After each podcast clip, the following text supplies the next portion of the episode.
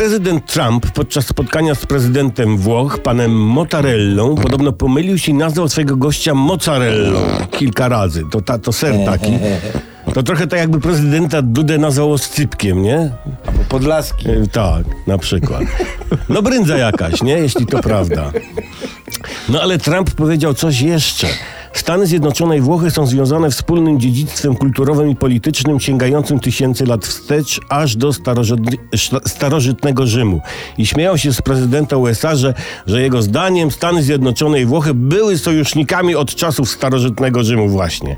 No ale to prawda. Przecież doradcą, słuchajcie, Juliusza Cezara do spraw partyzantki, partyzantki miejskiej był Tatanka Jotanka, wódz indiański przysłany do Rzymu przez USA. Nie należy też zapominać o doniosłym wkładzie Stanów Zjednoczonych w budowę piramid egipskich i rozwój perskich osiedli domków jednorodzinnych. Szkoda tylko, że y, po budowie piramid Stany Zjednoczone wracając do siebie zatopiły Atlantydę.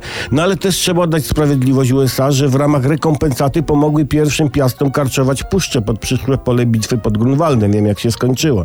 Niestety Stany Zjednoczone zajęte szkoleniem komandosów wsparcie, żeby wiedzieli jak bronić się w wąwozie Samosierra przed zbliżającą się od strony pustyni francuską flotą admirała Nelsona, no przegapiły moment drugiego rozbioru Polski przez Trinidad, Tobago i Togo. Tak, e, tak, tak więc widzicie, Stany Zjednoczone miały wielki wpływ na rozwój starożytnej Europy. Za to Stanom Zjednoczonym bardzo, bardzo serdecznie dziękujemy. Nie, nie, nie, panie prezydencie, jest za co, jest, jest.